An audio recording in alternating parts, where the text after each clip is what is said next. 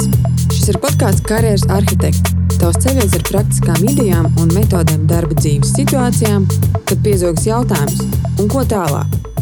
Tās būs sarunas ar cilvēkiem no dažādām industrijām par to, kā viņi realizē sevi, par karjeras izvēlēm un lēmumiem, kas nevienmēr ir tās vieglākās.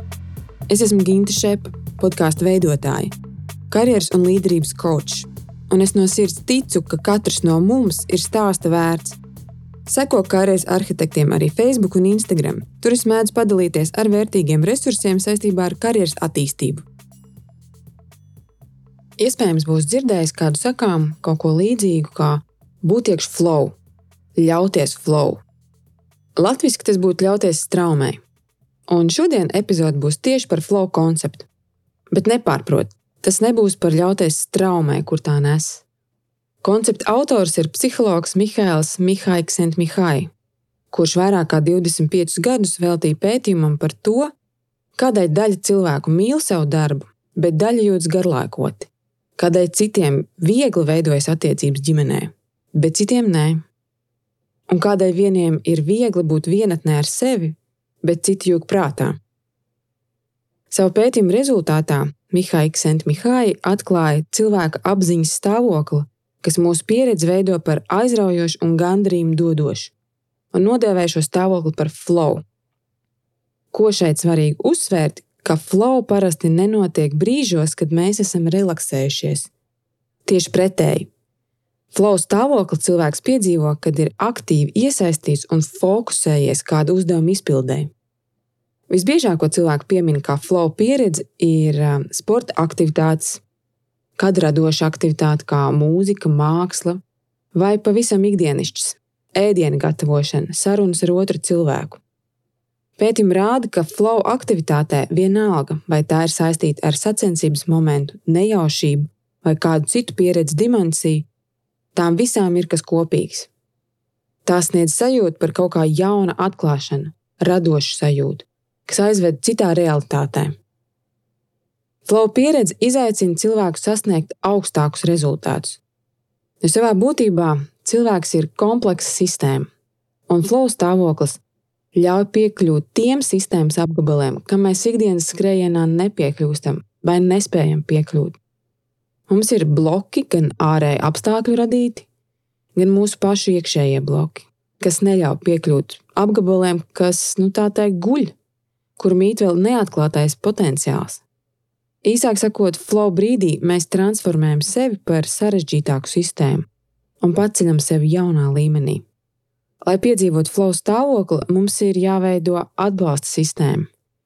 Tas ir darbs ar sevi, atpazīt sevi, zināt, kas ar mani notiek, kad piedzīvoju neveiksmi, kā es pārvaldu savu prātu, kā es reaģēju uz ārējiem kairinājumiem, un ko es daru, lai mazinātu to ietekmi. Flow stāvoklim ir trīs priekšnosacījumi. Pirmkārt, aktivitātei ir jābūt ar skaidru mērķi un iespējai ieraudzīt progresu. Nu, pavisam vienkāršs piemērs - ēdienu gatavošana. Es zinu, ko gribu ieraudzīt rezultātā, es zinu, kā secīgi man jāsagatavo sastāvdaļas, un pa ceļam man ir iespēja vērot, kā ēdiens top. Šo pašu principu mums ir tik ļoti būtiski piedzīvot arī darbā. Skaidrs mērķis un iespēja ieraudzīt progresu. Ja mērķu skaidrība ir atkarīga no kāda cita, tad vaicā, līdz tev ir skaidrs, ko jūs kopīgi gribat sasniegt. Ja mērķa definēšana ir atkarīga no tevis, tad pirms ķeries klāt kaut kam, nodefinē, ko tu gribi ieraudzīt, pabeidzot uzdevumu. Otrs priekšnosacījums, lai ieietu flow stāvoklī, ir iespēja iegūt atgrieznisko saiti uzdevumu izpildē. Tāpat ēdienu gatavojot. Man ir iespēja iedot kādam pagaršot jau procesa vidū, vai baudīt maltītī, un beigās saņemt novērtējumu. Darba atgriezniskā saite ir tikpat būtiska. Pat ja no malas neviens nesteidz komentēt tavu darbu izpildi, vaicā. Ja nejūties droši kādam vaicāt tieši, izdomās savu veidu, Kā iegūt atgrieznisko saiti? Var izsūtīt atgriezniskās saites aptauju, vai uztaisīt idejas testu nelielai domu biedru grupai. Atgriezniskā saite tev var iedot virzienu, pārliecību vai jaunas idejas, kā sasniegt mērķi. Un trešais priekšnosacījums flow pieredzēji ir jābūt līdzsvaram starp izaicinājumu un tavu prasmu līmeni, tikt galā ar izaicinājumu. Ja prasmu līmenis ir augsts, bet tev ir jāveic uzdevums ar zemu sarežģītību, visticamāk, tu jutīsies garlaikots un ilgtermiņā demotivēts. Ko darīt? Tev atliek celt likmes. Dažkārt tas nozīmē arī kāpt ārā no komforta zonas. Savukārt, ja uzdevums ir ar augstu sarežģītību, bet tavs prasmu līmenis ir nepietiekams, tu piedzīvosi stresu, dusmas, aizkaitinājumu, vilšanos, nepārliecinātību, un nekāds flow stāvoklis šeit vairs nav iespējams. Tieši optimāls līmenis starp izaicinājumu un prasmu līmeni veido flow pieredzi.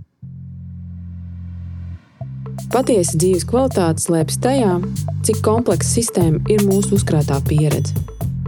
Flow koncepts man personīgi ir devis ļoti daudz. Šie principi strādā gan profesionālajā dzīvē, gan personīgajā. Un tieši flow momenti dod sajūtu, ka es turpinu attīstīties kā cilvēks, kā profesionāls, kā daļa no sabiedrības. Man ļoti patīk Mihaila Mihaiksena Mihai vārdi. Cilvēks, kurš apstājas savā izaugsmē vai izliekas zinošs, tā pa īstam nav brīvs. Viņa uzskats formē citu cilvēku viedokļu, pieredzes, avīzes, mēdīju. Tāpēc mans aicinājums tev meklē un praktizē savu flow. Atā!